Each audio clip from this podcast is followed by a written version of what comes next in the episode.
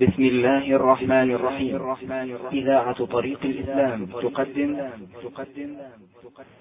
وكما قال جل وعلا قل يا عبادي الذين أسرفوا على أنفسهم لا تقنطوا من رحمة الله إن الله يغفر الذنوب جميعا. أجمع العلماء أن قوله أجمع العلماء على أن قوله إن الله يغفر الذنوب جميعا نزلت في حق من تاب. فإذا قوله جل وعلا ويغفر ما دون ذلك لمن يشاء في حق من مات على غير التوبة مصرا على معصية. فهو على رجاء الغفران تحت المشيئة. إن شاء الله غفر له وإن شاء عذبه بذنبه. وأما من تاب فإنه لا يدخل تحت المشيئة لقوله جل وعلا إن الله يغفر الذنوب جميعا ولقوله جل وعلا وإني لغفار لمن تاب وآمن وعمل صالحا ثم اهتدى في آيات كثيرة في هذا المقام. وها هنا في هذه الآية بحث وهو أن قوله جل وعلا إن الله لا يغفر أن يشرك به. في النكرة في سياق النفي ومن المتقرر في الأصول أصول الفقه وفي علم العربية أن النكرة في سياق النفي تعم. وهنا وقعت النكرة في سياق النفي والنكرة هي المصدر المنسبك من أن والفعل المضارع يشرك. لأن معنى الكلام إن الله لا يغفر شركا به والمصدر نكرة. وهذا يعني العموم عموم الشرك. فيكون المراد هنا أن الله جل وعلا لا يغفر أي نوع من أنواع الشرك.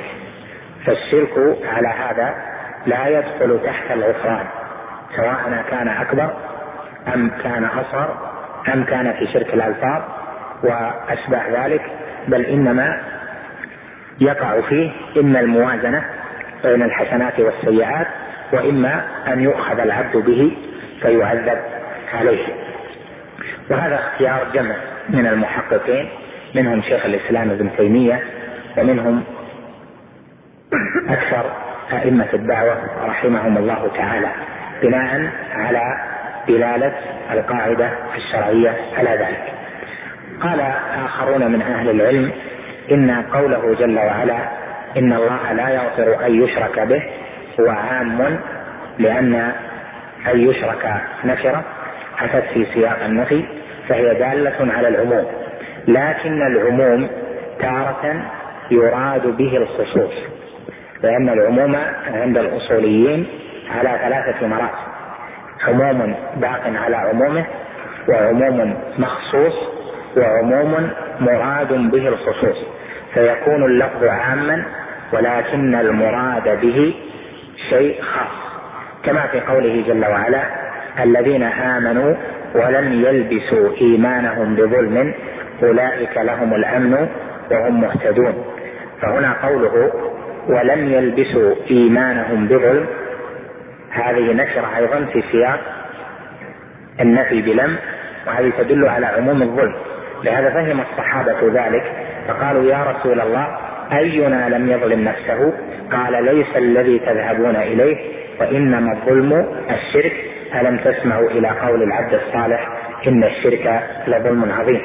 فأفهمهم عليه الصلاة والسلام أن المراد هنا بالظلم خصوص الشرك فإذا يكون اللفظ عاما ولكن المراد به خصوص الشرك وهذا ما يسميه الأصوليون عموم مراد به الخصوص. ففي هذه الآية قال طائفة من أهل العلم اللفظ عام ولكن المراد به خصوص الشرك الأكبر لأنه هو الذي نعلم من النصوص أنه لا يغفر وأن صاحبه متوعد بالنار. كما قال جل وعلا مثلا في سورة الحج إنه من يشرك بالله فكأنما خر من السماء فتخطفه الطير أو تهوي به الريح في مكان سحيق وكما قال جل وعلا في سورة المائدة وقال المسيح يا بني إسرائيل اعبدوا الله ربي وربكم إنه من يشرك بالله فقد حرم الله عليه الجنة ومأواه النار وما للظالمين من أنصار. قوله في سورة المائدة من يشرك بالله فقد حرم الله عليه الجنة من هذه شرطية؟ ويشرك فعل فيه الحدث فيه المصدر وهو نكرة. وهذا يدل على العموم لكن لما رتب الأثر وهو أن الله حرم عليه الجنة ومأواه النار علمنا أن المراد خصوص الشرك الأكبر. فقالوا هذه الآية مثل تلك. قال الأولون هذه الآية فيها عدم المغفرة وعدم المغفرة لا يستلزم الخلود في النار وهذا غير الآيات التي فيها الخلود في النار. فتلك الآيات دالة على أن المراد بالشرك الخصوص خصوص الشرك الأكبر لأن السياق يقتضي. وأما هذه فلا دليل عليها. وعلى العموم كما ذكرنا القول الأول هو قول الأكثرين. وعليه يتم الاستدلال هنا وهو أن من عرف أن الشرك الأكبر والأصغر في قول الأكثرين من أهل العلم لا يدخل تحت المغفرة أفاده الخوف من الشرك بالله جل وعلا لأنه ليس ثم شركا على هذا القول يدخل تحت المغفرة. بل إن الله جل جلاله لا بد أن يؤاخذ بالشرك. فإن كان شركا أكبر فالخوف عظيم منه فلا بد من معرفته ومعرفة وسائله ومعرفة أفراده حتى يحذره. العبد وإن كان شركا أصغر فلا بد أيضا من معرفته ومعرفة أفراده ومعرفة وسائله حتى يحذره العبد لأن الجميع لا يدخل تحت المغفرة. فإذا قول الشيخ رحمه الله تعالى هنا وعرفت الشرك بالله الذي قال الله فيه إن الله لا يغفر أن يشرك به ويغفر ما دون ذلك لمن يشاء يريد منه وضوح صورة الشرك ثم الخوف من الشرك وأثر ذلك الخوف وهو أن يسعى العبد في تعلم التوحيد وتعلم ضده الذي هو الشرك الأكبر والأصغر حتى لا يخاطر بدينه وبنفسه وبمستقبله في الآخرة لأشياء يتساهل فيها في هذه الدار الفانية. هذه النقطة الثانية التي تكلم عنها الشيخ. الثالثة من المقدمات قال وعرفت دين الله الذي أرسل به الرسل من أولهم إلى آخرهم الذي لا يقبل الله من أحد سواه. دين الله الذي أرسل به الرسل هو الإسلام والإسلام المراد به هنا الإسلام العام الذي يشترك في الدعوة إليه كل رسول فكل رسول أتى بالإسلام. العام وأما محمد بن عبد الله عليه الصلاة والسلام فأتى بالإسلام العام والإسلام الخاص الذي هو شريعة الإسلام. فالرسل من قبل مسلمون وأتباع محمد بن عبد الله عليه الصلاة والسلام مسلمون. وإسلام من قبلنا دخول في الإسلام العام وأما إسلام هذه الأمة فهو إسلام من جهة العقيدة ومن جهة الشريعة. فما هو الإسلام العام؟ الإسلام العام هو الاستسلام لله بالتوحيد والانقياد له بالطاعة والبراءة من الشرك وأهله. هذا التعريف للإسلام دعا إليه الرسل جميعا. أن يستسلم لله بالتوحيد وأن ينقاد له بالطاعة والطاعة هنا بحسبها طاعة لكل رسول جاء كل أمة بحسب الرسول الذي جاءها والبراءة من الشرك وأهله. فإذا هذا الأصل هو الدين عند الله جل وعلا الذي قال الله فيه إن الدين عند الله الإسلام. وفي قوله ومن يبتغي غير الإسلام دينا فلن يقبل منه وهو في الآخرة من الخاسرين. قبل بعثة محمد عليه الصلاة والسلام كل مخاطب بالإسلام الذي بعث به الرسول الذي أرسل إلى تلك الطائفة. وبعد محمد بن عبد الله عليه الصلاة والسلام لا يقبل من أحد إلا الإسلام الذي بعث به محمد عليه الصلاة والسلام. فإذا دين الله الذي أرسل به الرسل فهو مشتمل على تحقيق التوحيد لله وخلع الأنداد والكفر بالطاغوت كما قال جل وعلا في سورة النحل ولقد بعثنا في كل أمة رسولا أن اعبدوا الله واجتنبوا الطاغوت. وقال وإن من أمة إلا خلا فيها نذير. ونحو ذلك من الآيات. فإذا العلم بدين الرسل هذا مهم للغاية. فتعلم دين نوح عليه السلام وتعلم دين إبراهيم عليه السلام وما خالف به نوح قومه وما خالف به إبراهيم قومه. وكذلك دين موسى عليه السلام ودين عيسى وما خالفوا به أقوامهم. وكذلك الدين الذي بعث به سيد ولد آدم عليه الصلاة والسلام وما خالف به أقوامه إذا عرفت حقيقة دين المرسلين فإنه يسهل عليك أن تعرف ما عليه الناس في الأزمان التي غلب فيها الجهل. قال بالنسبة للقول الأول لا يدخل في مغفرة يقولون إنه يدخل تحت المواجهة نعم. طيب وقول الله عز وجل إن أشركت قتلنا عنه يعني الشرك شرك. الشرك الأكبر. الآية ما في الشرك الأكبر. قال وعرفت ما أصبح هذه الأخيرة الرابعة من المقدمات. وعرفت ما أصبح غالب الناس فيه من الجهل بهذا. أفادك فائدتين.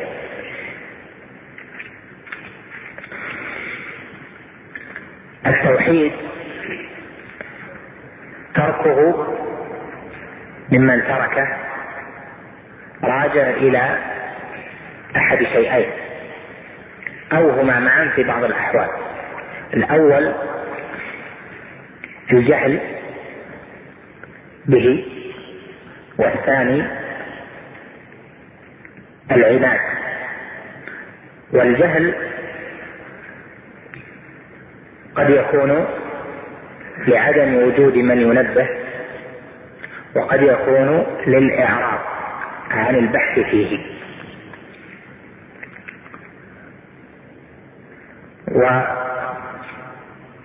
والعناد والاستكبار هذا يكون مع العلم وإقامة الحجة.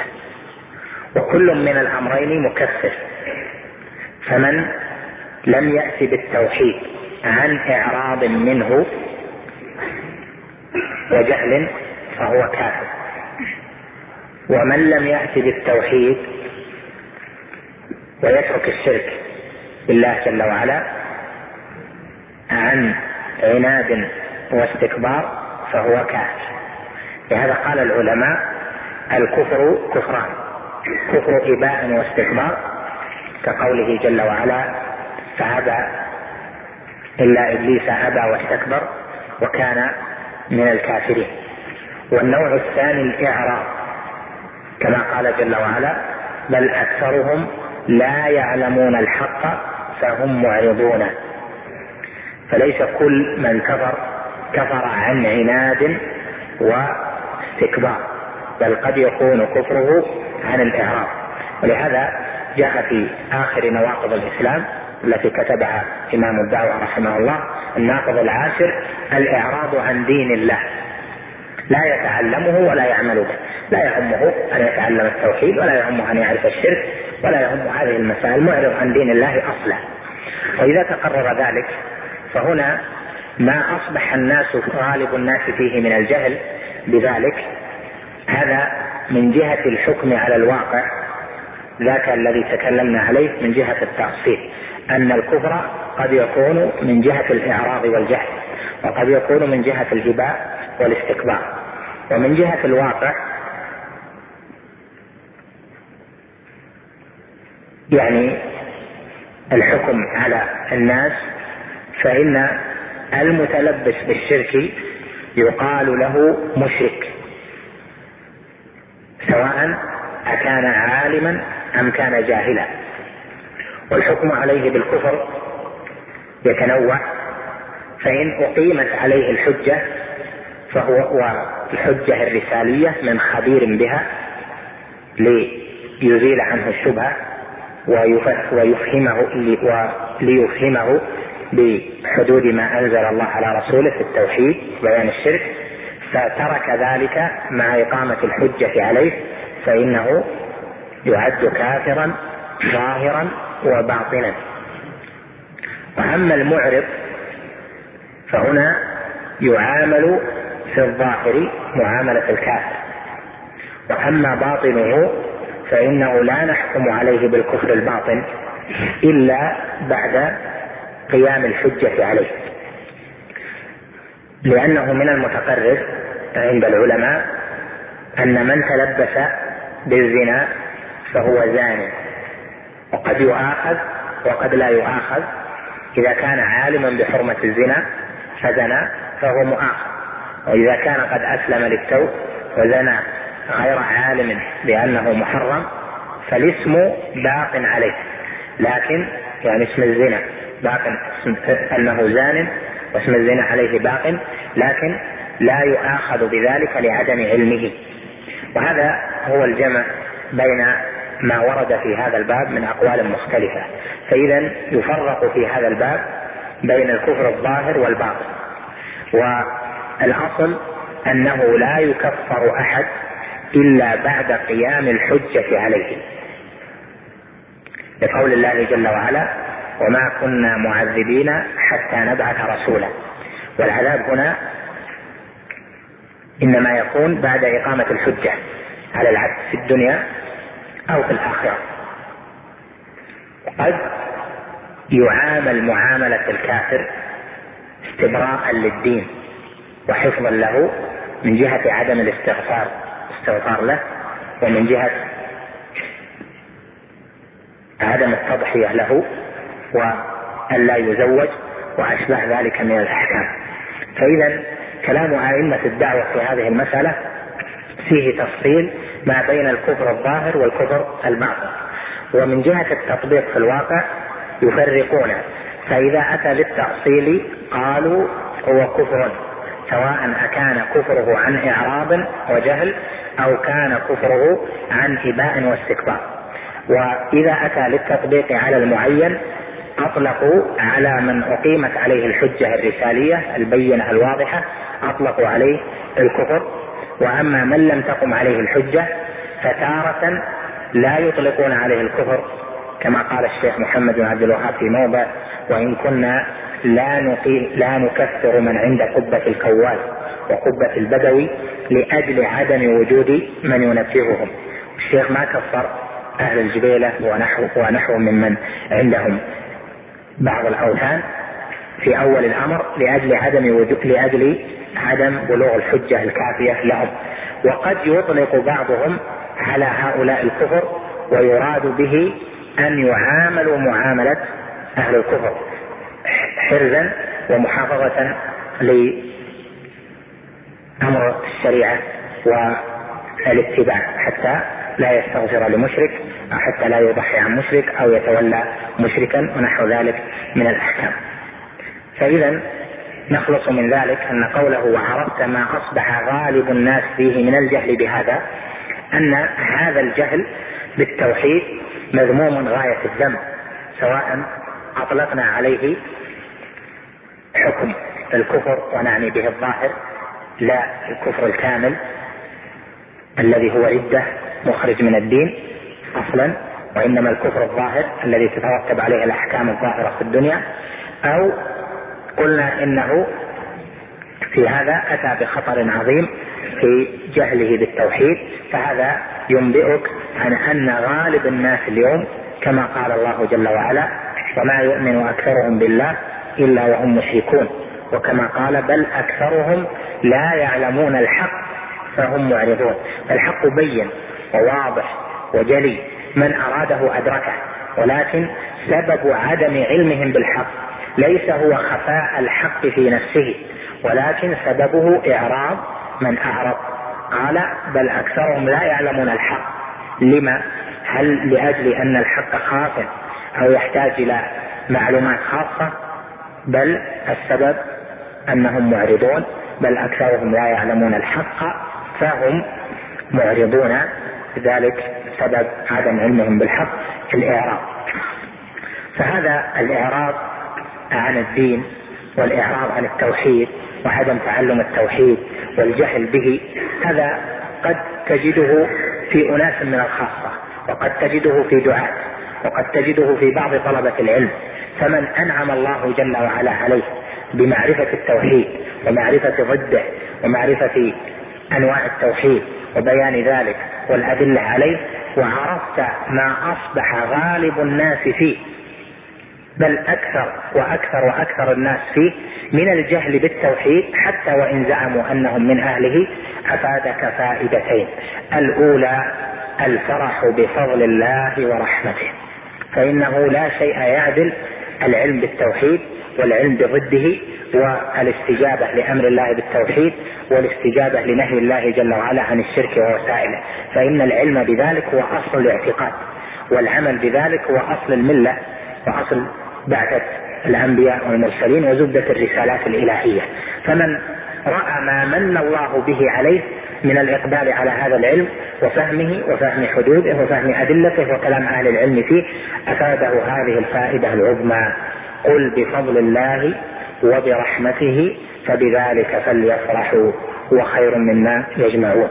ولهذا الفرح بفضل الله وبرحمته يعني بالدين وبالتوحيد وبتعلمه والإقبال عليه هذا هو خير من كل ما يغشاه الناس. من أمور الدنيا ومن الأمور التي يظنون أنها فاضلة بأمور الدين كالاهتمام بعلوم مختلفة أو بالاهتمام بأشياء متنوعة. فأصل الملة أن تعلم التوحيد وتتعلمه. لهذا خاف إبراهيم على نفسه من عبادة الأصنام فدعا ربه بقوله واجنبني وبني أن نعبد الأصنام. خاف على نفسه وخاف على بنيه. قال إبراهيم التيمي رحمه الله ومن يأمن البلاء بعد إبراهيم. لهذا بوب الشيخ رحمه الله في كتاب التوحيد باب الخوف من الشرك. فهنا إذا عرفت هذه المقدمات الأربع وعرفت ما أصبح غالب الناس فيه من الجهل بهذا التوحيد والجهل بالشرك وعدم إعارة ذلك أو الاهتمام بذلك الاهتمام الواجب الذي يليق به بعظم مسألة التوحيد أفادك فائدتين الأولى الفرح بفضل الله ورحمته. والحق أننا إذا تدبرنا ذلك فإننا نرى أنه لا شيء لنا وإنما هو فضل الله جل جلاله.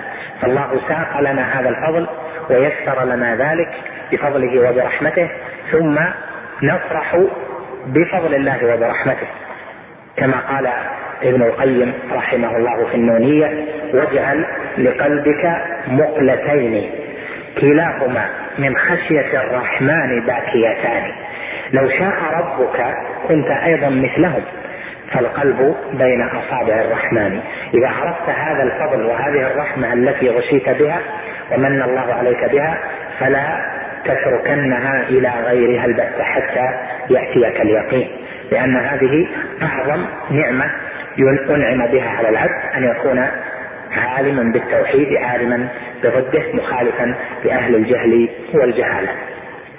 قال أفادك فائدتين الأولى الفرح بفضل الله ورحمته كما قال تعالى قل بفضل الله وبرحمته فبذلك فليفرحوا هو خير مما يجمعون. وفضل الله ورحمته في الدين والقرآن وفقه الدين وفقه القرآن والتوحيد والإسلام ونحو ذلك.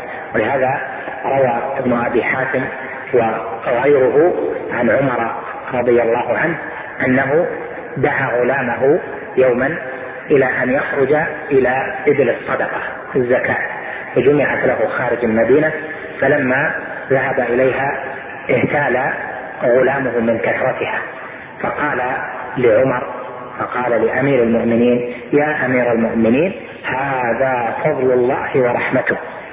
فغضب عمر وقال كذبت ولكن فضل الله ورحمته القرآن. قال تعالى قل بفضل الله وبرحمته يعني القرآن في نزوله وتشريعه وما حد الله هذه الأمة به فبذلك فليفرحوا هو خير مما يجمعون. فإن كان ثم فرح فليفرح المرء بهداية الله جل وعلا له للالتزام بدين الله ومعرفة التوحيد والعلم به وما يتصل بذلك فهذا هو الفضل. وبه تعلم أن المحروم من حرم وأكثر الخلق حرموا من هذا الفضل العظيم. ثم الفائدة الثانية قال وأفادك أيضا الخوف العظيم. فإنك إذا عرفت إلى آخره الخوف العظيم ملازم. لأن الشيطان أضل الأكثرين فتفرح بفضل الله وبرحمته وتخاف. فالفرح بفضل الله وبرحمته يعني بمعرفة التوحيد والعلم به ومعرفة الشرك ووسائله والابتعاد عن ذلك الدعوة إلى التوحيد والدعوة إلى النهي عن الشرك جملة أو إجمالا وتفصيلا. هذا الفرح بفضل الله وبرحمته يفيد الثبات على ذلك فكلما استحضرت الفرح هذا وكنت فرحا به كنت مستمسكا به. ثم الخوف وهو الفائدة الثانية الخوف يجعلك لا تلتفت عنه يمينا ولا شمالا. فكلما التفت كلما رجعت لاجل شدة الخوف مستحضرا خوف إبراهيم وخوف عباد الله الصالحين. والخوف من الشرك لأجل أن لا يقع العبد فيه. وأنت ترى اليوم أن أهل هذه البلاد مثلا مع ما هم عليه من أثر هذه الدعوة الإصلاحية العظيمة التي قربتهم إلى الله جل جلاله بالتوحيد وبالبعد عن الشرك ووسائله لكن لأجل عدم الخوف من الشرك وقعوا في شركيات من شركيات الألفاظ وبعضها من شرك من الشرك الأصغر وبعضها قد يكون من الشرك الأكبر في حق بعض الناس. وهذا نسأل الله جل وعلا السلامة والعافية لأجل عدم الخوف من الشرك فيكثر عند الناس أن يقولوا هذا نحن أهل فطرة والناس في هذا البلد أهل فطرة سيستمرون أهل فطرة إلى متى؟ الأجيال التي بعد آدم عليه السلام كانوا على الفطرة ثم أتتهم الشياطين فاجتالتهم عن دينهم اذا ما أمن أحد على دينه وهو عالم بحقيقة عداوة الشيطان. بل ما يأمن إلا من يخاف. من يستحضر الخوف دائما يحذر ويحذر ويستحضر الحذر فإذا غابت عنه مسائل التوحيد راجع وتأكد وهكذا وتفهم وحفظ وراجع ودعا حتى يثبت وحتى يستقيم له دينه.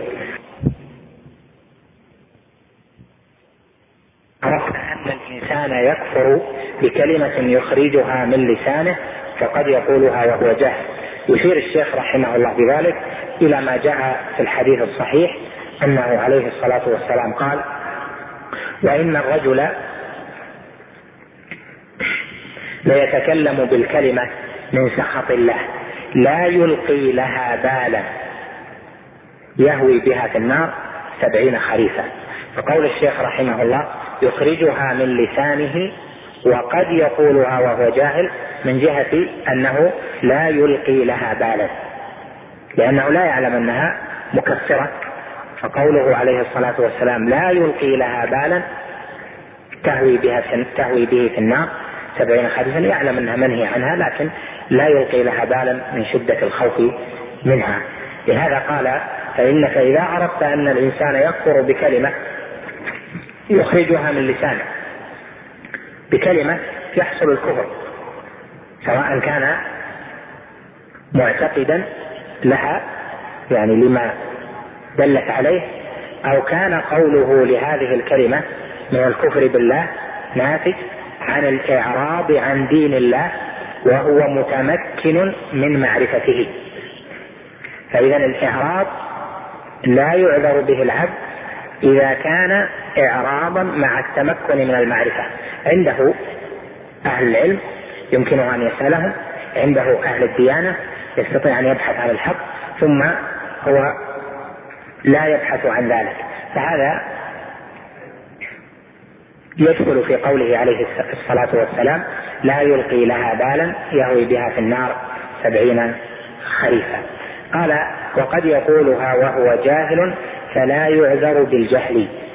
لأنه أعرض مع تمكنه من المعرفة. أعرض مع قرب الحجة منه. فجهله لا بسبب خفاء الحق أو بسبب عدم وجود من ينبهه وإنما جهله بها لأجل إعراضه. فاذا هنا نلحظ التفريق في الجهل ما بين الجهل الذي سببه عدم وجود من ينبه بالحق والجهل الذي سببه الإعراض فالجهل الذي سببه الإعراض مع وجود من ينبه هذا لا يعذر به العبد. وأما الجهل الذي يكون لأجل عدم وجود من ينبه فإنه يعذر به حكما في الآخرة حتى يأتي من يقيم عليه الحجة ولا يعذر به في أحكام الدنيا. فهو على كل حال متوعد هذا التوعد العظيم. إذا كان الإنسان قد يهوي في النار سبعين خريفا يعني يكون في قعرها هذا يعني أنه فارق نار الموحدين. بكلمة يقولها هذا من خاف هذا الشيء يلزمه أن يتعلم أسباب الردة وأسباب الكفر والكلمات التي قد يكفر بها وهو لا يشعر بذلك. وهذا مضبوط بضوابطه الشرعية فإنه ليس كل من قال كلمة الكفر كفر. لهذا الشيخ قال هنا إذا عرفت أن الإنسان يكفر بكلمة يخرجها من لسانه وقد يقولها وهو جاهل. قد يقول ذلك وهو جاهل فلا يعذر في الجهل يعني في بعض أحواله. وقد يقولها وهو يظن أنها تقربه إلى الله تعالى كما ظن المشركون. المشرك في أي زمان ومكان ما أشرك محادة لله ورسول محادة لله ولرسله قصدا في في المحادة وإنما حصلت المحادة نتيجة لشركه فهو إذ أشرك محاد. ولكن إذا قلت للوثني المشرك الجاهلي قلت أنت مبغض لله كاره لله جل وعلا محاد لله يقول لا. لأنه يقول أنا ما فعلت هذه الأفعال إلا بقصد التقرب إلى الله حتى يرتفع مقامي عند الله. فإذا لا يتصور في المشرك أنه أشرك للبعد عن الله بل أشرك ليتقرب إلى الله. كما قال جل وعلا ما نعبدهم والذين اتخذوا من دونه أولياء ما نعبدهم إلا ليقربونا إلى الله زلفى. قال رحمه الله بعد ذلك خصوصا إن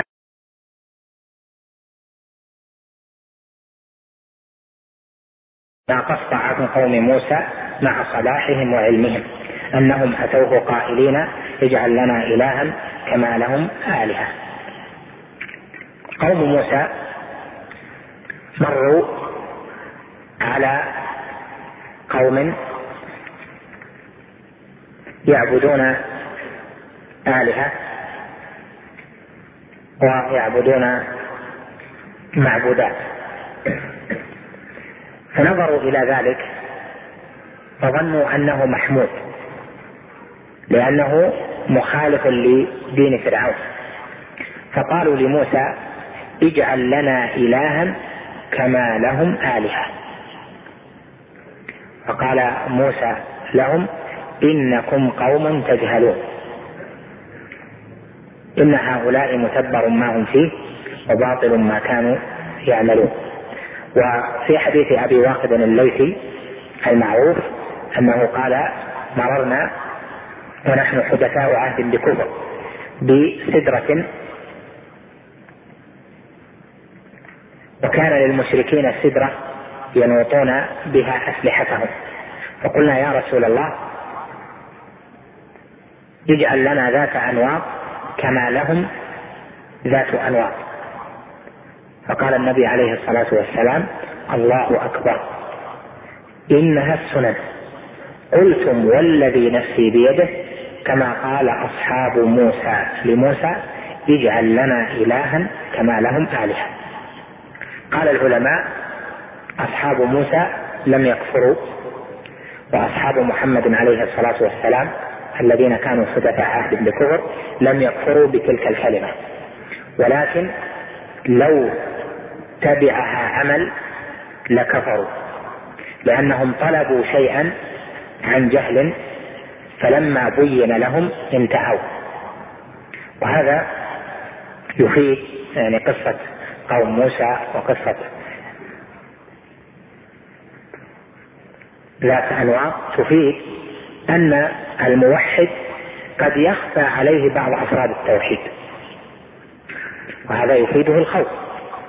لأن قوم موسى وهم خاصة أصحاب موسى منهم من قال تلك الكلمة وأصحاب محمد عليه الصلاة والسلام ممن أسلم حديثا منهم من قال تلك الكلمة مع أنهم يعلمون معنى لا إله إلا الله ويعلمون ما يدخل تحتها من الأفراد لكن جهلوا بعض الأفراد. هذا يفيد أن من دونهم لا بد أن يخاف الخوف الشديد لأن جهله ببعض الأفراد أولى من جهل غيره. فإن أنعم الله عليه بمنبه له بعد الكلام يحجزه عن العمل وينبهه فهذا من نعمة الله عليه. وإن لم يجد بل قال ذلك الكلام واتخذ إلها مع الله فإنه يكون قد ناقض بفعله توحيده. قال فحينئذ يعظم حرصك وخوفك على ما يخلصك من هذا وأمثاله. وهذا لا شك أنه يوجب الخوف الشديد. اذا هذا المقطع من كلام الإمام رحمه الله تعالى فيه تهيئة نفس الموحد لكشف الشبهات التي يأتي بيانها. فهيأ نفسه ببيان حال المشركين الذين أشركوا من أقوام كل رسول وبين ديانة كل رسول بين معنى التوحيد ومعنى ضده وبين أن أكثر الناس مخالفون للتوحيد معرضون عنه جهال به وبين أن هذه المقدمات تفيدك اولا الفرح والثاني الخوف. وهذا تهيئة لنفسيتك حين تتلقى كشف تلك الشبه فكشف الشبه اذا الذي سيأتي يكون مع فرحك بالتوحيد وخوفك من الشرك. وهذا يقيم حاجزا نفسيا قويا من أن تتلقى الشبهة تلقي تلقيا من أن تتلقى الشبهة تلقيا عقليا بحثا كما عليه علماء الكلام وأشباههم دون وضع تعبدي نفسي من الوجل والخوف والفرح والرضا. ثم أن تكون حين تعرض لك جواب الشبه يكون في نفس الفرح بفضل الله بالتوحيد والفرح والفرح بفضل الله جل وعلا وبرحمته أن كشفت لك الشبه. فاذا الشبه مزل مزلة أقدام. من جهة عرضها ومن جهة كشفها. فلا بد لها من قاعدة تقوم عليها نفس الموحد. وهذه القاعدة هي التي قدمها الشيخ رحمه الله. فأول الكلام قواعد علمية والآن هذا الفرح والخوف قواعد نفسية حتى تكون في ما تستقبل من عرض الشبه ونقدها وكشفها تكون بين قواعد علمية محكمات لا تزيغ بعدها. وما بين تحصينات نفسية لا تتأثر بالشبهة مهما جاءت. فإذا جاءت الشبهة صار عندك خوف من ضد التوحيد وفرح بما أنت عليه من التوحيد وهذا يجعلك في قوة وتحسن وأمان. بفضل الله وبرحمته. فالحمد لله جل جلاله على ما أنعم به علينا من نعمة التوحيد ودراسته وتعلمه ونبذ الشرك والبراءة منه وبغض الشرك وبغض أهله ومعاداة أولئك وتبرئ منهم قولا وعملا واعتقادا. ونسأله جل وعلا بكل اسم له حسن وبصفاته العلى أن يديم علينا هذا الفضل وهذه الرحمة وأن يجعلنا فرحين بذلك خائفين من ضده ما حيينا. نسأله جل وعلا أن لا يزيغ قلوبنا بعد إذ هدانا وأن ينعم علينا ويتم نعمه ذلك بأن يتوفانا وهو راض عنا غير مغيرين ولا متبدلين. نعوذ بك اللهم من كل فتنة. نعوذ بك اللهم من كل فتنة. تصدنا عن هذا الأمر الجلل في التوحيد ودعوة الأنبياء والمرسلين. هذا وآخر دعوانا. أن الحمد لله رب العالمين. نأخذ بعض الأسئلة. بالمناسبة في مواقف السيارات أهل المسجد يودون من الإخوة أن يقفوا في المواقف الشرقية في المواقف الجنوبية في هذه الجهة لأن الوقوف في الجهات الضيقة قد تضيق على من يريد أن يخرج من بيته ونحو ذلك من بعض الإخوة. قال هنا فيه سيارتين ضيقة على أصحابها يقول سيارة كابرس رقمها 205 صفر 53 ونيت 720 54 95 استحذر دائما قول النبي صلى الله عليه وسلم لا ضرر ولا ضرار. لا تضر إخوانك قد يكون واحد عنده موعد يريد أن يستفيد من بعض يستفيد بعض الوقت من العلم ثم يذهب إلى موعد مهم له إما لمستشفى أو موعد ضروري في مصالحه أو لأهله أو نحو ذلك. فلا تفترض أن الذي يحضر يحضر كل الفترة وأنهم جميعا سيخرجون خروجا واحدا. لا تفترض هذا. بل استحضر أن منهم من سيخرج مبكرا منهم من عنده كذا. ولا يفترض أن الذي سيحضر يتخلص من كل المشاغل بل يقول احضر نصف ساعة استفيد بعض الشيء ثم أذهب إلى بعض الأعمال. فليعن بعضكم بعضا على أمر دينه ودنياه. هل صفة العلو ذاتية أم فعلية؟ صفة علو الله جل وعلا ذاتية. هو جل وعلا لم يزل عاليا على خلقه سبحانه وتعالى. له علو الذات وعلو الصفات.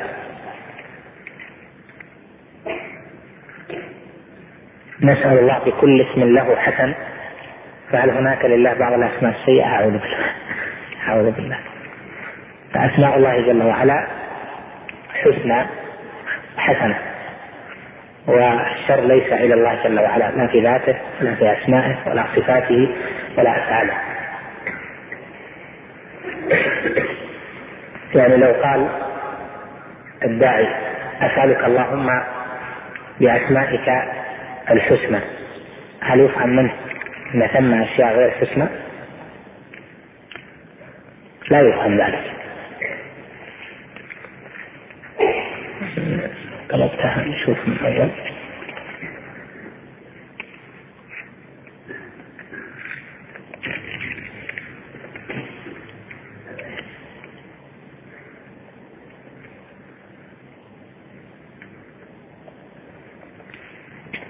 مسألة الكفر الظاهر والباطن. هذا السؤال فيه طول بعض الشيء.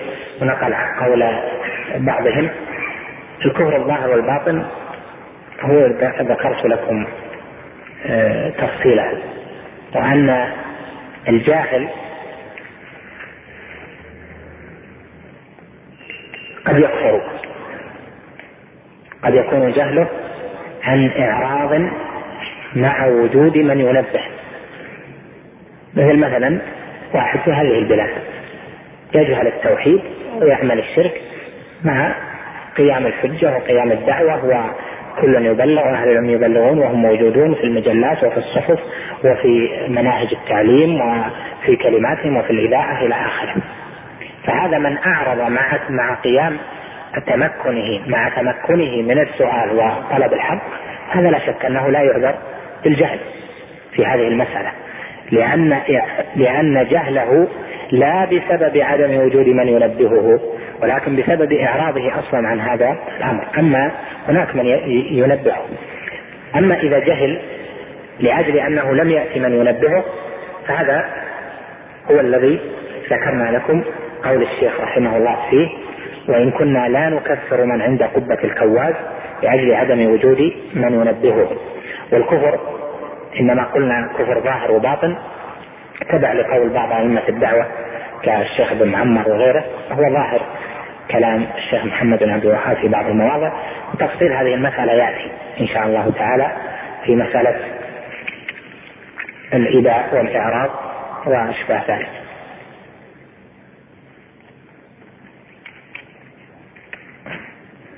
هل هناك فرق بين المشرك والكافر؟ نعم. الكافر قد يكون كافرا بلا شرك. يكون كافر بلا شرك. مثل من ارتكب شيئا من الأمور التي يرتد بها غير الشرك فإنه يكون كافرا ولو لم يحصل منه شرك. فالشرك تشريك في العبادة والكفر قد يكون ببعض ما يحكم عليه بالكفر والردة ولكن ليس ثم تشريك. إذا لو راجعت باب حكم المرتد في كتب أهل العلم لوجدت أن من أحوال الردة الشرك قد يكفر بقول ذلك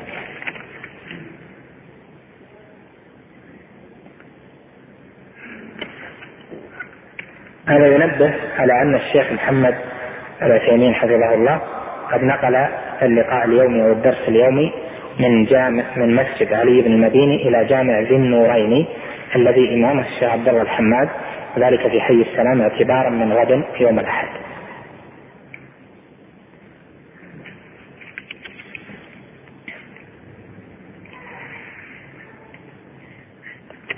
مشكلة يعني الخط دقيق وطويل. ما نقدر نقرأه بسرعة في هذا. نؤجله إن شاء الله. لا يحل الذي يطوف في القبور ويسألهم ويدعوهم؟ الطريقة أئمة الدعوة رحمهم الله والعلماء أنهم يحكمون عليهم بالشرك. قل هؤلاء مشركون قبوريون خرافيون. لكن الحكم بالكفر هذا أدق. فإذا حكمت عليهم بالشرك عبدة القبور مشركون. أو نقول هؤلاء الذين عند قبة كذا أو عند مشهد كذا هؤلاء آه، مشركون خرافيون قبوريون وما أشبه ذلك. أما التعبير بالكفر فهذا أخص لهذا يحتاج إليه يحتاج إليه في الحكم وهو لأهل العلم. فطالب العلم يستعمل لفظ الشرك والخرافة والقبورية كما هو طريقة أهل العلم في ذلك. أما التكفير فله شروطه وله ضوابطه والتفصيل ما بين الشرك الظاهر كفر الظاهر والباطن في مثل هذه الأحوال. طبعا في فرق بين يعني قاعدة المعروفة عندكم أن هناك فرق بين تكفير الجنس وتكفير المعين. تكفير الجنس نقول عباد القبور الذين يعبدون يعبدونها ويتقربون إلى المشاهد في أنواع العبادات. نقول هؤلاء كفار. لكن إذا احتجنا الكلام على معين لا بد أن يكون ثم تفصيل فيه. فإذا الحكم على الجنس غير الحكم على المعين. كذلك الحكم على الفعل غير الحكم على الفاعل. وليس كل من قام به الكفر كافر. وليس كل من قام به الفسق فاسق من جهة الحكم الأخروي. هو فاسق من جهة الظاهر. مشرك من جهة الظاهر كافر من جهة الظاهر لكن قد لا يكون فاسقا من جهة الحكم. التام يعني الدنيوي والأخروي إلى آخره. فإذا هناك فرق بين الأحكام الدنيوية الظاهرة والأحكام الباطنة في أمثال ذلك. إذا مات أحد جهلة القبوريين نعامله في الدنيا معاملة مثل ما قلت لك إذا مات قبوري تعرف منه أنه مشرك بالله يدعو غير الله يستغيث بغير الله يذبح لغير الله. هذا لا يجوز لك أن تستغفر له. لأن الله جل وعلا قال ما كان للنبي والذين آمنوا أن يستغفروا للمشركين. والمشرك هو اسم فاعل الشرك. هذا لا يجوز الاستغفار له بعينه ولا يجوز التضحية عنه. ويعامل في الظاهر معاملة المرتد. لكن لا نشهد عليه باطنا بأنه من أهل النار ونرتب عليه أحكام المرتد كاملة. وإنما تترتب عليه بعض الأحكام دون بعض في تفاصيل يعلمها أهل العلم. وهذا معنى قول من قال لا نكفر حتى تقوم الحجة الرسالية يعني الكفر الكامل التي تترتب عليه جميع الأحكام الفقهية. وهذا مرجعه إلى الفقه يحتاج إلى عالم يحكم على المعين في الفقه. وأنا أوصي أوصيكم بأن طالب العلم يفهم العمومات في هذا وأما من جهة الحكم على المعين فيتركه لأهل العلم لأن مسألة التكفير خطيرة لانها إخراج من الإيمان فهي أعظم من الفتوى في الطهارة وفي الصلاة وفي الحج وغيره فإذا كان الورع يتورع عن الفتوى في تلك الأشياء فتورعه عن هذا وبعده عنه لا شك أنه من باب أولى فيترك لأهل العلم. فهذا لا بد منه في أن تعلم الأحكام. حتى تصل إلى فهم هذا العلم. ما هو ضابط إقامة الحجة؟ يأتينا في موضع إن شاء الله من الرسالة. ما كيفية الحجة ومن يقوم بها؟ وإذا أعرض فهل يكفر من أول إعراضه أم يمهل. لابد أيضا من تفصيل. يأتينا في موضعه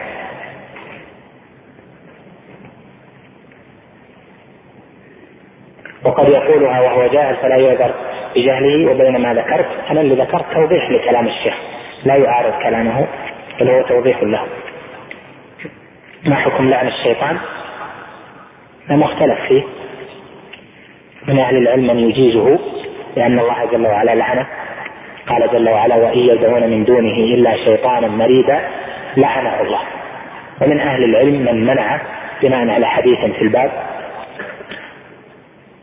لا تلعنوا الشيطان فإنه يتعاظم. وهذا الحديث صححه بعض أهل العلم من المعاصرين وإن كان غير معروف في كتب السنة المشهورة وإنما رواه تمام في فوائده وغيره. المقصود أنه مختلف فيه لعن الشيطان وفي الجملة المسلم لا يكون لعانا لا يلعن حتى من يستحق اللعن لا يختار لعنه لأن استحقاق اللعن من جهة الجواز لا من جهة الوجوب. ما حكم في قول الشاعر رب ومعتصماه انطلقت إيش ملء افواه الصبايا اليتم هذا مر معنا قول ومعتصمة وأنها ندبة فيها النداء. هناك أمر منتشر عندنا وهو أنه أحيانا إذا سقط الطفل على الأرض يرش مكان سقوطه بالماء البارد. فما حكم ذلك؟ ما أعلم. لا أعلم معنى هذا ولا مراد أولئك منه.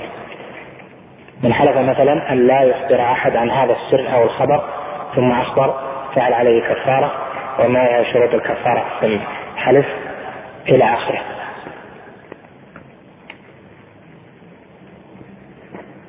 إذا حلف أن لا يخبر أحد بهذا الشيء ثم أخبر حانثا فيما حلف فيه عليه الكفارة. والكفارة كفارة اليمين معروفة. هي إيش؟ لا يؤاخذكم الله. إيش كفارة اليمين؟ على التخيير بين ثلاثة أشياء. ليس كما يقول العوام الصيام لا. التخيير بين ثلاثة أشياء. وكفارته إطعام عشرة مساكين من أوسط ما تطعمون أهليكم أو كسوتهم أو تحرير رقبة. طعام عشرة مساكين من أوسط ما تطعم أهلك. يعني من جهة الغذاء المعتاد.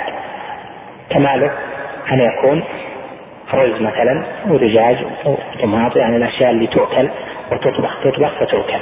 ويجزئ أن تعطيه تطعم عشرة مساكين برز وحده يعني غير مطبوخ. يجزئ ذلك ويكون لكل مسكين نصف صاع من الرز. نعم. الشام وغداهم هذا في كفارة الصيام. أو يعني إطعام جماعة العشرة كلهم وعشاهم قصة كذا أو غداهم مجزئ. إذا كان وضع لهم ما يكفي فهو مجزئ على الصحيح. لكن الأحسن آه، أن يملكوا خروجا من الخلاف. آه، بقية الأسئلة نرجعها. وأنا وراي موعد. فما يحرجني أحد من الأخوة بأن يمشي معي جزاكم الله خير. هذه كلها خاصة. أنت اللي منسقها والصلاة والسلام على أشرف الأنبياء والمرسلين نبينا محمد وعلى آله وصحبه أجمعين. قال المؤلف رحمه الله تعالى واعلم أن الله سبحانه من حكمته أنه لم يبعث نبيا بهذا التوحيد إلا جعل له أعداء كما قال الله تعالى وكذلك جعلنا لكل نبي عدوا شياطين الإنس والجن يوحي بعضهم إلى بعض زخرف القول غرورا. وقد يكون لأعداء التوحيد علوم كثيرة وكتب وحجج. كما قال تعالى كما قال الله تعالى فلما جاءتهم رسلهم بالبينات فرحوا بما عندهم من العلم. إذا عرفت ذلك وعرفت أن الطريق وعرفت أن الطريق إلى الله لا بد له من أعداء قاعدين عليه. لا بد له من أعداء قاعدين عليه. أهل فصاحة. أهل فصاحة وعلم وحجج. أهل فصاحة وعلم وحجج. فالواجب عليك أن تتعلم من دين الله ما يصير سلاحا لك تقاتل به هؤلاء الشياطين الذين قال إمامهم ومقدم ومقدمهم. لربك عز وجل لأقعدن لهم صراطك المستقيم ثم لآتينهم من بين أيديهم ومن خلفهم وعن أيمانهم وعن شمائلهم ولا تجد أكثرهم شاكرين. ولكن إذا أقبلت على الله وأصغيت إلى حججه وبيناته وأصغيت إلى حججه وبيناته فلا تخف ولا تحزن إن كيد الشيطان كان ضعيفا. والعامي من الموحدين يغلب الألف من علماء هؤلاء المشركين كما قال الله تعالى وإن جندنا لهم الغالبون فجند الله هم الغالبون بالحجة واللسان كما أنهم الغالبون بالسيف والسنان. وإنما الخوف على المؤمن الذي على المؤمن على الموحد الذي يسلك الطريق وليس معه سلاح كما وليس معه سلاح وإنما الخوف على المؤمن الذي يسلك الطريق وليس معه سلاح. وقد من الله علينا بكتابه الذي جعله تبيانا لكل شيء وهدى وبشرى ورحمة وهدى ورحمة وبشرى للمسلمين. ولا يأتي أهل ولا يأتي أهل الباطل بحجة إلا وفي القرآن ما ينقضها ويبين بطلانها كما قال تعالى ولا يأتونك بمثل إلا جئناك بالحق وأحسن تفسيرا. قال بعض المفسرين هذه الآية عامة في كل حجة يأتي بها أهل الباطل إلى يوم القيامة. بسم الله الرحمن الرحيم الحمد لله رب العالمين والصلاة والسلام على نبينا محمد وعلى آله وصحبه أجمعين قال المؤلف رحمه الله تعالى واعلم أن الله سبحانه من حكمته لم يبعث نبيا بهذا التوحيد إلا جعل له أعداء كما قال تعالى وكذلك جعلنا لكل نبي عدوا شياطين الإنس والجن يوحي بعضهم إلى بعض زخرف القول غرورا وقد يكون لأعداء التوحيد علوم كثيرة وكتب وكتب وحجج كما قال تعالى فلما جاءتهم رسلهم بالبينات فرحوا بما عندهم من العلم. نعم. إذا أردت ذلك وأردت أن إلى الله لا بد. بسم الله الرحمن الرحيم. الحمد لله. حق الحمد وأوفاه. وأشهد أن لا إله إلا الله وحده لا شريك له. هو ولي من تولى. وأشهد أن محمدا عبد الله ورسوله وصفيه وخليله صلى الله عليه وعلى آله وصحبه وسلم تسليما كثيرا إلى يوم الدين. اللهم إنا نسألك علما نافعا وعملا صالحا وقلبا خاشعا ودعاء مسموعا. اللهم أعنا على الحق. اللهم أعنا على الحق. اللهم أعنا على الحق. اللهم لا تجعل لنا إلى الباطل سبيلا. نعوذ بك من الحول بعد الكور نعوذ بك من الضلال بعد الهداية نعوذ بك أن نضل أو نضل أو نزل أو نزل أو نجهل أو يجهل علينا.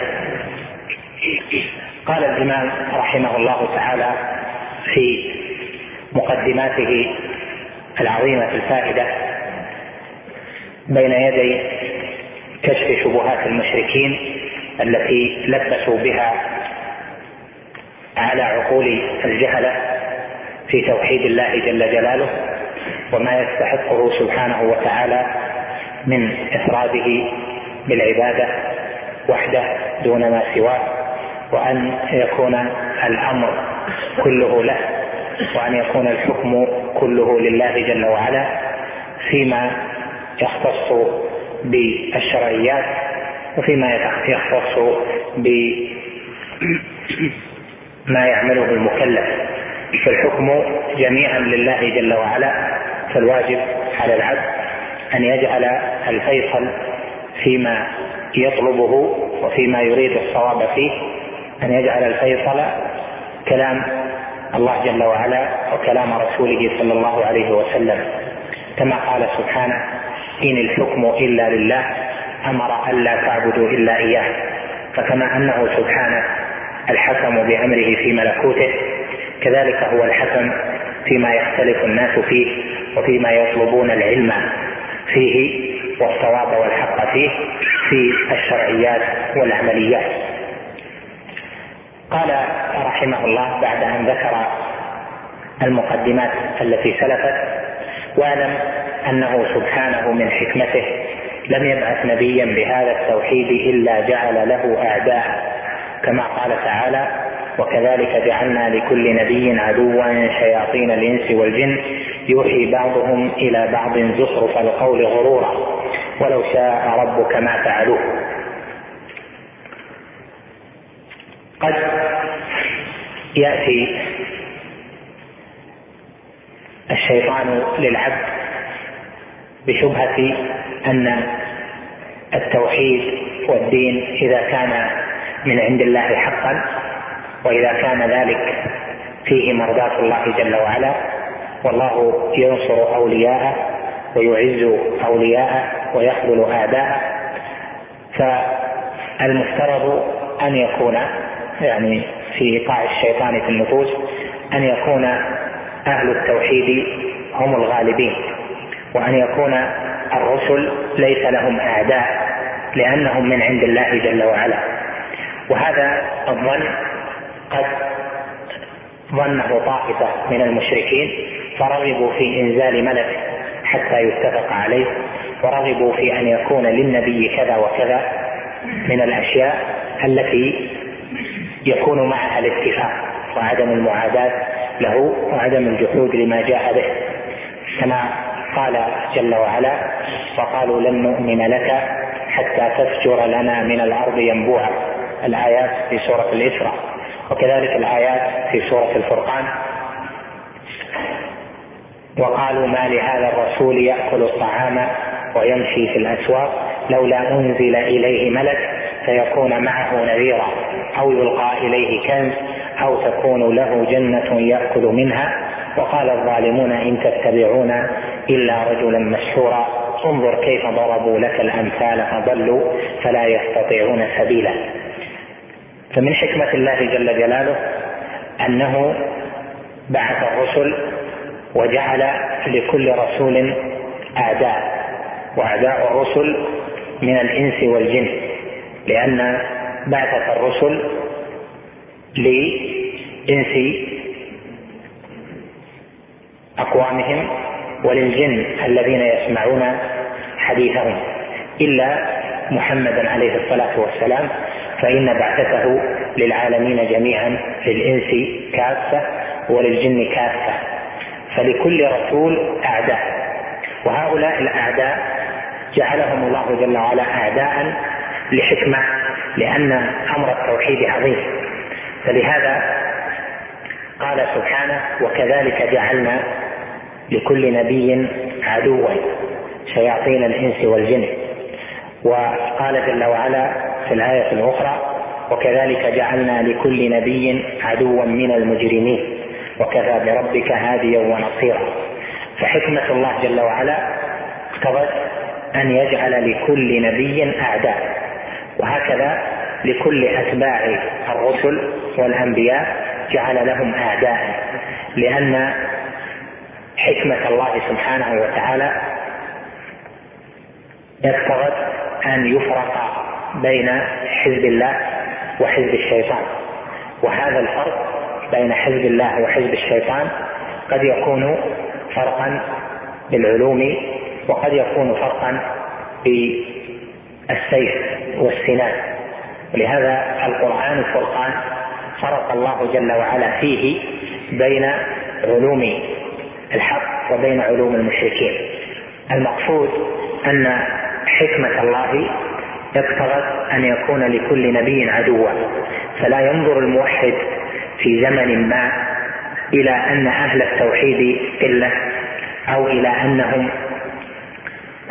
مزدرون أو إلى أنهم لا يذبح لهم أو إلى أنهم مكثوا زمنا طويلا لم ينصروا أو نحو ذلك من الأشياء أو أنهم يعذبون أو أنهم يطردون أو ما يفعله الاعداء بأهل التوحيد لا ينظر إلى ذلك وإنما ينظر إلى الحق في نفسه. وحكمة الله عرفها أهل السنة بأنها وضع الأشياء في مواضعها الموافقة للغايات المحمودة منها. وضع الأشياء في مواضعها الموافقة للغايات المحمودة منها. والله جل وعلا أذن بالشر في ملكه والشر ليس إليه ليظهر طيب الطيب وليظهر طيب أهل الحق على خبث غيرهم. فأذن به جل وعلا أذن بالشر فداء للخير حتى يظهر. فلولا هذه العداوة ما ظهر المستمسك بالتوحيد من غيره ما ظهر الذي خلقناه تامة من توحيد الله جل وعلا من المتردد الذين هم في ريبهم يترددون ونحو ذلك من الحكم العظيمة فالله جل وعلا أنزل العداوة في موضعها وهذه العداوة موافقة لغاية محمودة منها.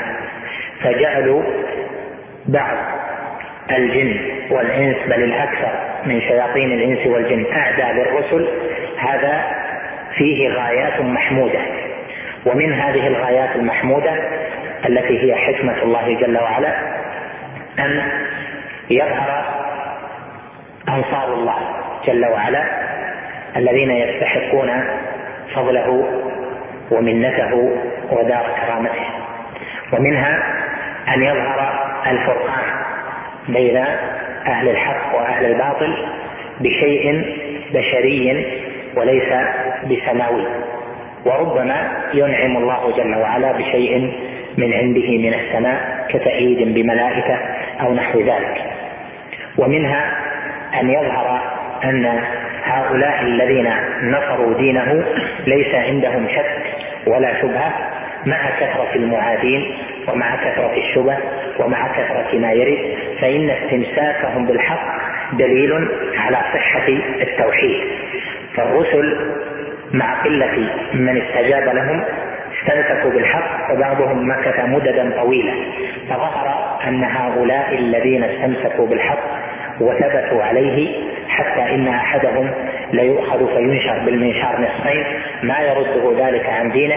هذا شهادة عظيمة بأن هذا الذي حملوه حق لأن الله جل جلاله جعلهم مكرمين بهذا الأمر ومكرمين باتباع الرسل لاتباع الحق. في حكم شتى. والشيخ رحمه الله هنا قال لم يبعث نبيا بهذا التوحيد إلا جعل له أعداء. وهذا الحصر مأخوذ من الآية وكذلك جعلنا لكل نبي عدوا. فلفظ كل ظاهر في العموم. وهو بمعنى لم يجع لم يبعث نبيا بهذا التوحيد إلا جعل له أعداء. وأعداء التوحيد أعداء الأنبياء والرسل على قسمين. أعداء رؤساء وأعداء تبع. فالرؤساء إما أهل الرياسة والتدبير في أمور الدنيا وإما أهل الرياسة في أمور الفكر والدين. هؤلاء هم الذين تزعموا العداوة وصدوا الناس عن الدين. هذا الصنف من أصناف الأعداء والصنف الثاني منهم الأتباع الرعاة الذين أعرضوا عن الحق أو الذين أخذتهم الحمية والعصبية في أن لا يقبلوا التوحيد وأن ينصروا رؤساءهم. فلا يوصف بالعداوة العلماء فقط أو الرؤساء فقط بل أعداء التوحيد العامة والرؤساء جميعا. لأن من لم يستجب للتوحيد فقد سب الله جل جلاله. كل مشرك بالله فهو متنقص للرب جل وعلا ساب له. فمن ادعى أن مع الله إلها آخر يتوسط به ويذبل إلى الله جل وعلا عن طريقه بوساطته وشفاعته سواء كان ذلك عالما أو لم يكن عالما وإنما كان تبعا لرؤسائه فإنه عدو للتوحيد. وربما كان هؤلاء من جهة انتشارهم في الناس أبلغ في إحياء عداوة التوحيد وبثها من الخاصة. وهذا ظاهر بين لأن العامة ينشرون من الأقوال والأكاذيب أعظم مما يبثه الخاصة. وإذا نظرت إلى دعوة محمد بن عبد الله عليه الصلاة والسلام فإن الذي نشر أنه صادق والذي نشر أنه ساحر والذي نشر أنه مجنون أتباع الكبار أتباع الرؤساء والملأ في العرب. وكذلك إذا نظرت في دعوة الإمام المجدد الشيخ محمد بن عبد الوهاب رحمه الله فإن الذي نشر في الناس مقالة أعداء الشيخ من علماء زمانه إنما هم العامة. فالعامة عداوتهم تأتي من جهة التعصب ومن جهة نصرة الباطل بقناعتهم بمن قال لهم ذلك. فعندهم علماء معظمون ورؤساء معظمون فيقتدون بهم ويستجيبون لمقالهم دون نظر وتدبر. فهؤلاء أعداء لتوحيد الله جل وعلا. وكل من هذين الصنفين يجب الحذر منه ويجب على الموحد أن يعاديه. فليست عداوة الموحد لعلماء المشركين خاصة أو الذين أعلنوا الحرب على التوحيد خاصة. هؤلاء لهم نصيب من العداوة اكبر وكل من لم يوحد الله جل وعلا وانغمس في براثن الشرك وأشرك بالله فهو عدو لله جل وعلا. فكل مشرك عدو لله جل وعلا كما قال سبحانه وتعالى وما كان قول إبراهيم لأبيه وما كان استغفار إبراهيم لأبيه إلا عن موعدة وعدها إياه. فلما تبين له أنه عدو لله تبرأ منه.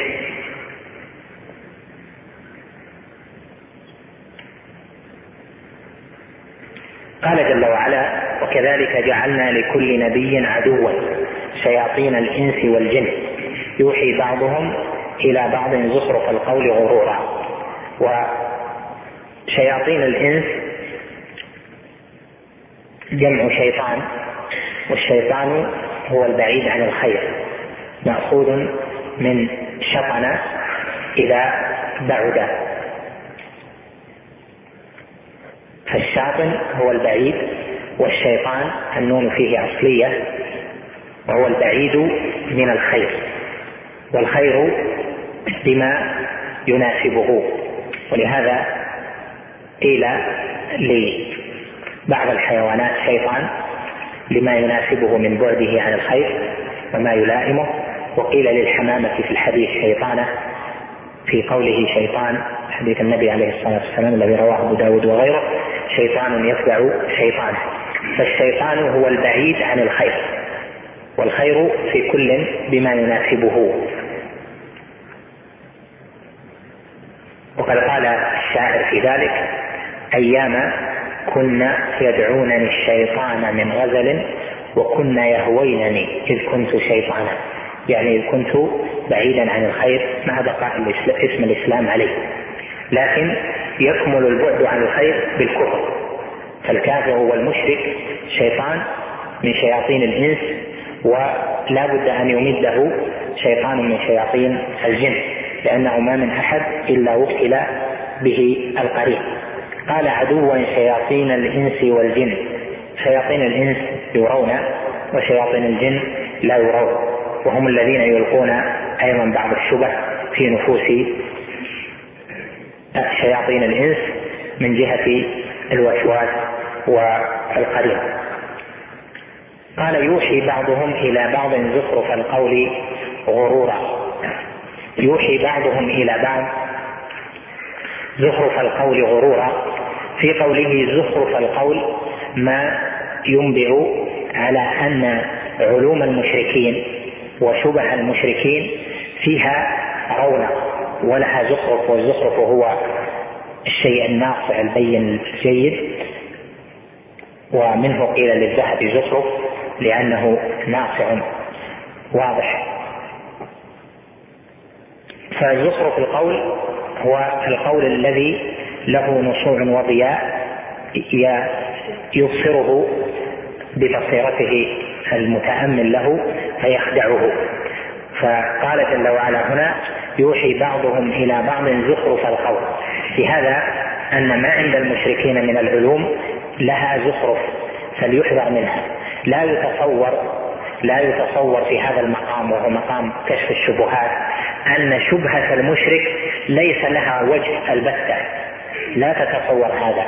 فإن المشرك يوحي بعضهم يوحي بعض المشركين إلى بعض بزخرف القول حتى تزين الشبهة.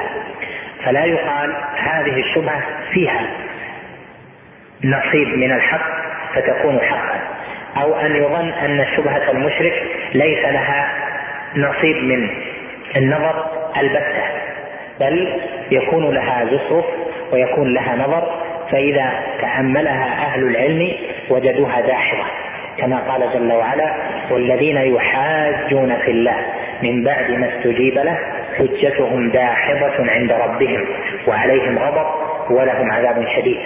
فالحجج التي يدلي بها أهل الشرك فيها زخرف وفيها تدليس وفيها تلبيس ولها بعض لها بعض الشبه لها بعض ما يجعلها ملتبسة في الحق.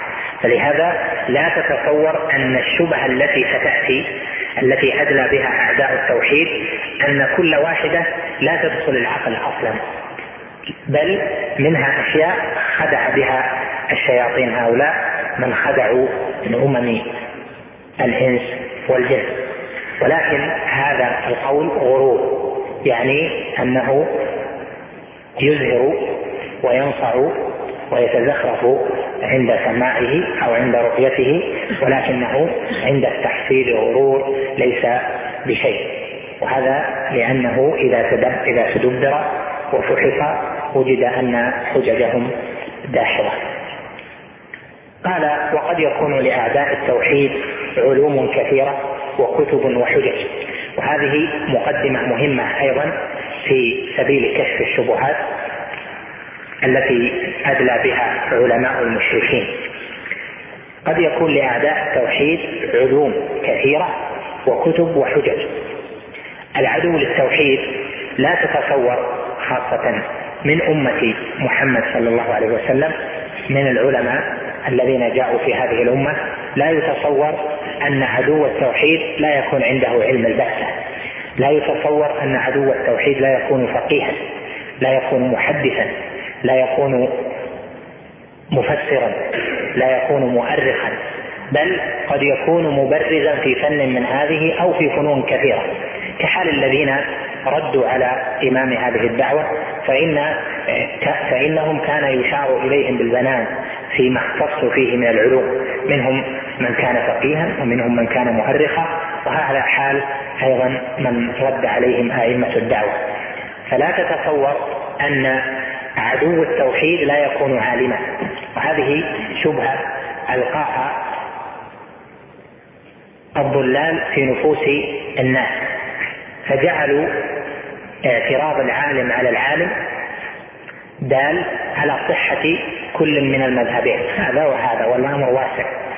ولهذا بعضهم يقول في مسائل التوحيد هذا أصح من القول الثاني أو في أصح قولي العلماء هو كذا وكذا.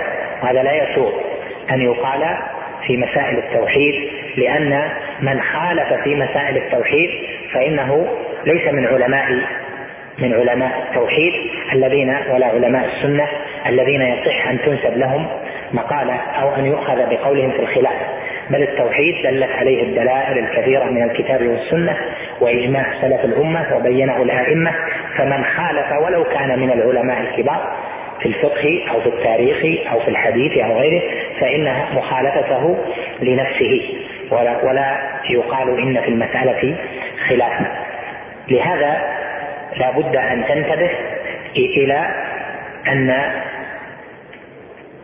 عدو التوحيد من علماء المشركين ليس من صفته أن يكون غير عالم بل قد يكون عالما وإماما في فن من الفنون. إمام في التفسير إمام في الفقه مرجع في القضاء ونحو ذلك مثل أعداء الدعوة الذين عارضوا الشيخ رحمه الله وعارضوا الدعوة كحال مثلا من المتأخرين داود بن جرجيس فإنه كان على علم واسع ولكن من علماء المشركين.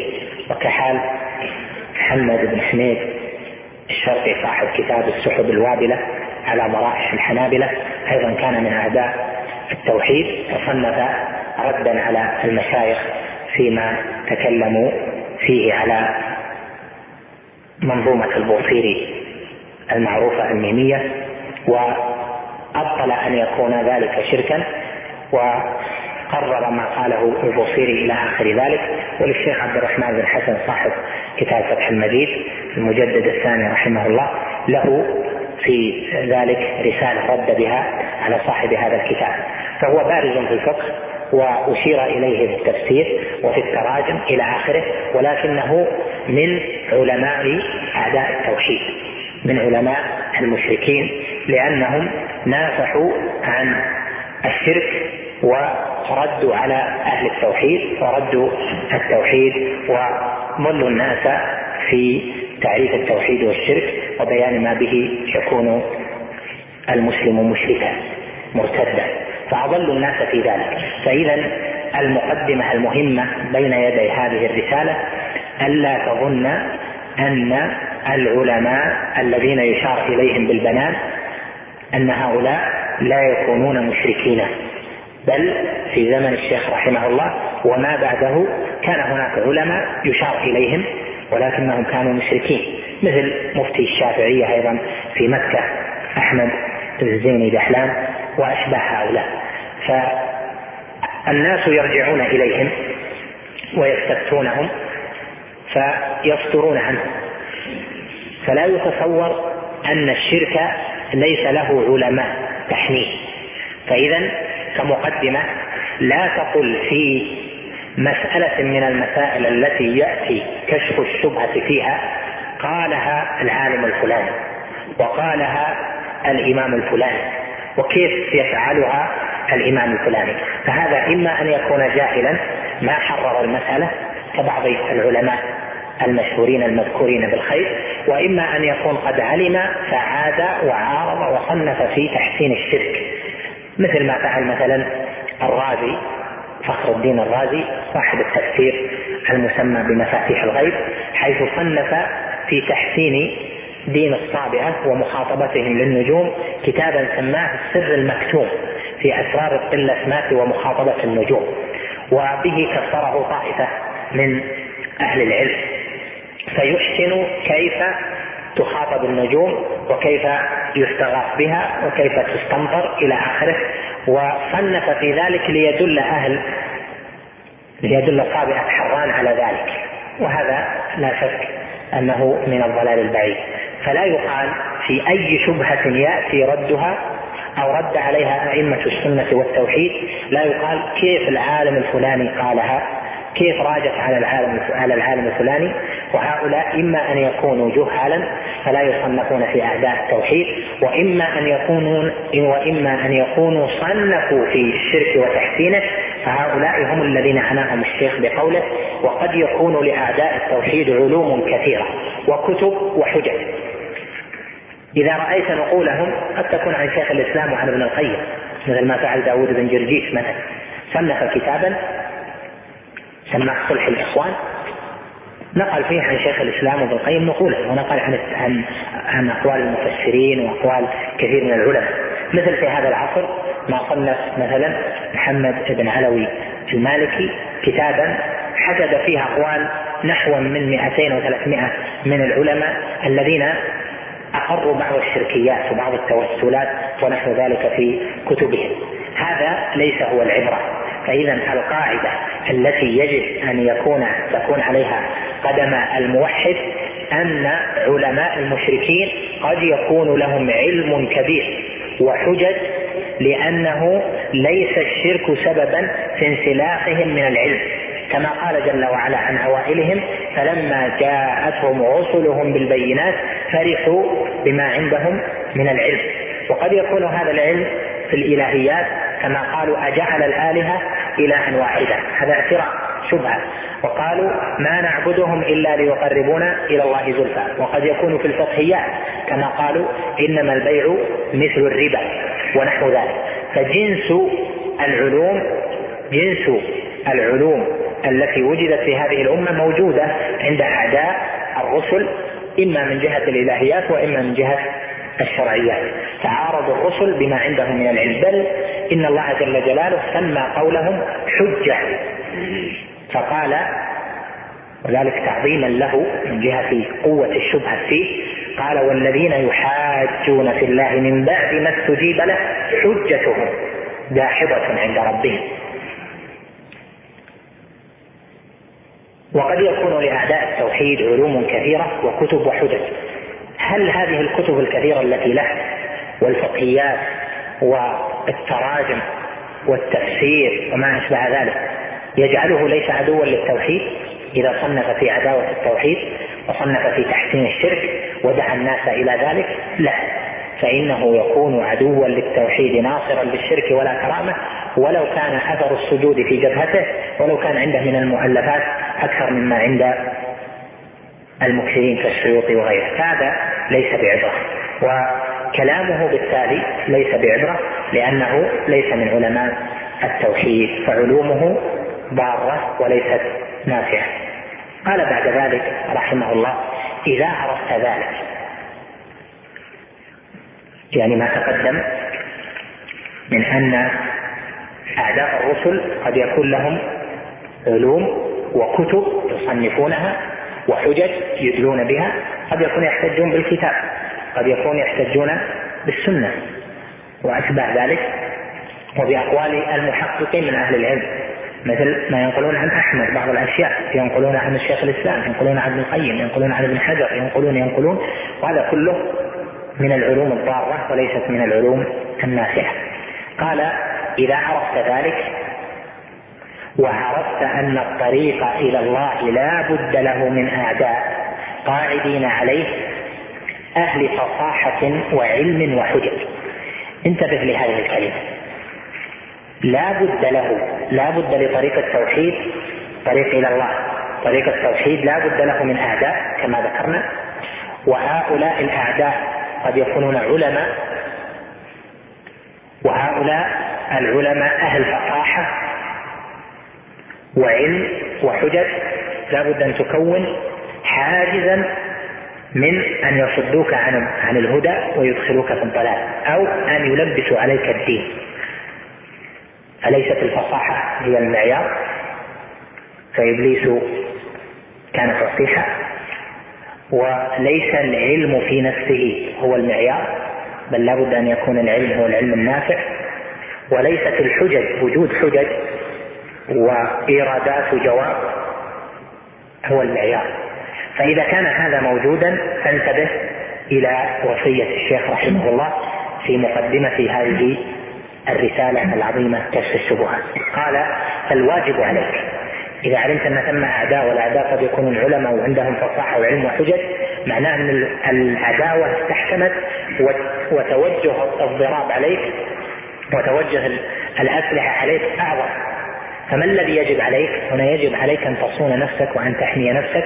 أعظم حماية في هذا الأمر الجلل الذي من ضل فيه كان من الخاسرين أبد الدهر.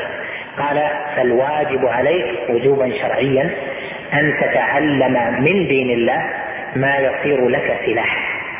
وقوله من دين الله هذا للتبعيد لأن العلم منه واجب عيني ومنه واجب كفاية وقوله فالواجب عليك أن تتعلم من دين الله يعني به ما كان من الدين فرضا علميا على كل أحد. وهو الذي لا يعذر أحد بالتقليد فيه وذلك في معنى الشهادتين وتحقيق مسائل القبر الثلاث من ربك ما دينك من نبيك. فهذا العلم واجب بأدلته وهو الذي وصف لك وصنف فيه الشيخ الرسالة العظيمة ثلاثة الأصول لنجاتك في هذا الأمر الخطير بين علماء المشركين. قال فالواجب عليك أن تتعلم من دين الله ما يصير لك سلاحا تقاتل به هؤلاء الشياطين. تقاتل به ابتداء أو تقاتل به دفعا كلاهما. لا بد من الدفع في حينه ولا بد من الابتداء في حينه. مقاتلة بالحجه والبيان. إذا لم تكن ذا سلاح فالخوف ثم الخوف عليك. ولهذا تجد أن بعض أهل الفطرة وأهل هذه البلاد وأهل التوحيد الذين يفترض فيهم ويظن فيهم أن يكونوا حماة لهذا الأمر العظيم توحيد رب العالمين جل جلاله الذي هو حق الله. على العبيد أن لا يصغوا لشبهة في التوحيد. والآن تجد أن منهم من عنده شبهة في السحر من عنده شبهة في الكهانة. وتجد من يردد كلاما في أن هؤلاء الذين يعبدون القبور ويعبدون الأوثان وينادون الموتى والغائبين فيما بما لا يقدر عليه إلا الله جل جلاله أو فيما لا يقدرون عليه يقول هؤلاء لا فيهم كذا تكفير صعب حكم عليهم بالشرك صعب ولها الصلاة يعرفون الله عندهم عندهم محبة للدين ونحو ذلك من الكلام. وهذا يزلزل نفس الموحد لأنه يظن أن المسألة إذا ما دام صاحب صلاة صاحب زكاة وعنده حب للخير وكذا فلا يحكم عليه بحكم الشرك أو الكفر مع أنه ساء لله جل جلاله وذلك بعبادته غير الله جل وعلا. فنفس الموحد في هذا المقام تأتيها أنواع كثيرة من الهجوم تارة في أشياء نفسية وتارة بشبه علمية وتارة بأشياء راجعة إلى الضعف الذي في نفس بعض أهل التوحيد. فإذا لا بد من الانتباه بهذا وهو أن الواجب أن يتعلم المرء من دين الله ما يصير له سلاحا يقاتل به هؤلاء الشياطين. ما هو هذا السلاح؟ هو تعلم التوحيد وضده وتعلم الشرك بأنواعه كما صنف فيه الشيخ رحمه الله في كتابه كتاب التوحيد. ثم إن كان بين قوم عندهم مجادلة مع تحيات إخوانكم في إذاعة طريق الإسلام والسلام عليكم ورحمة الله وبركاته.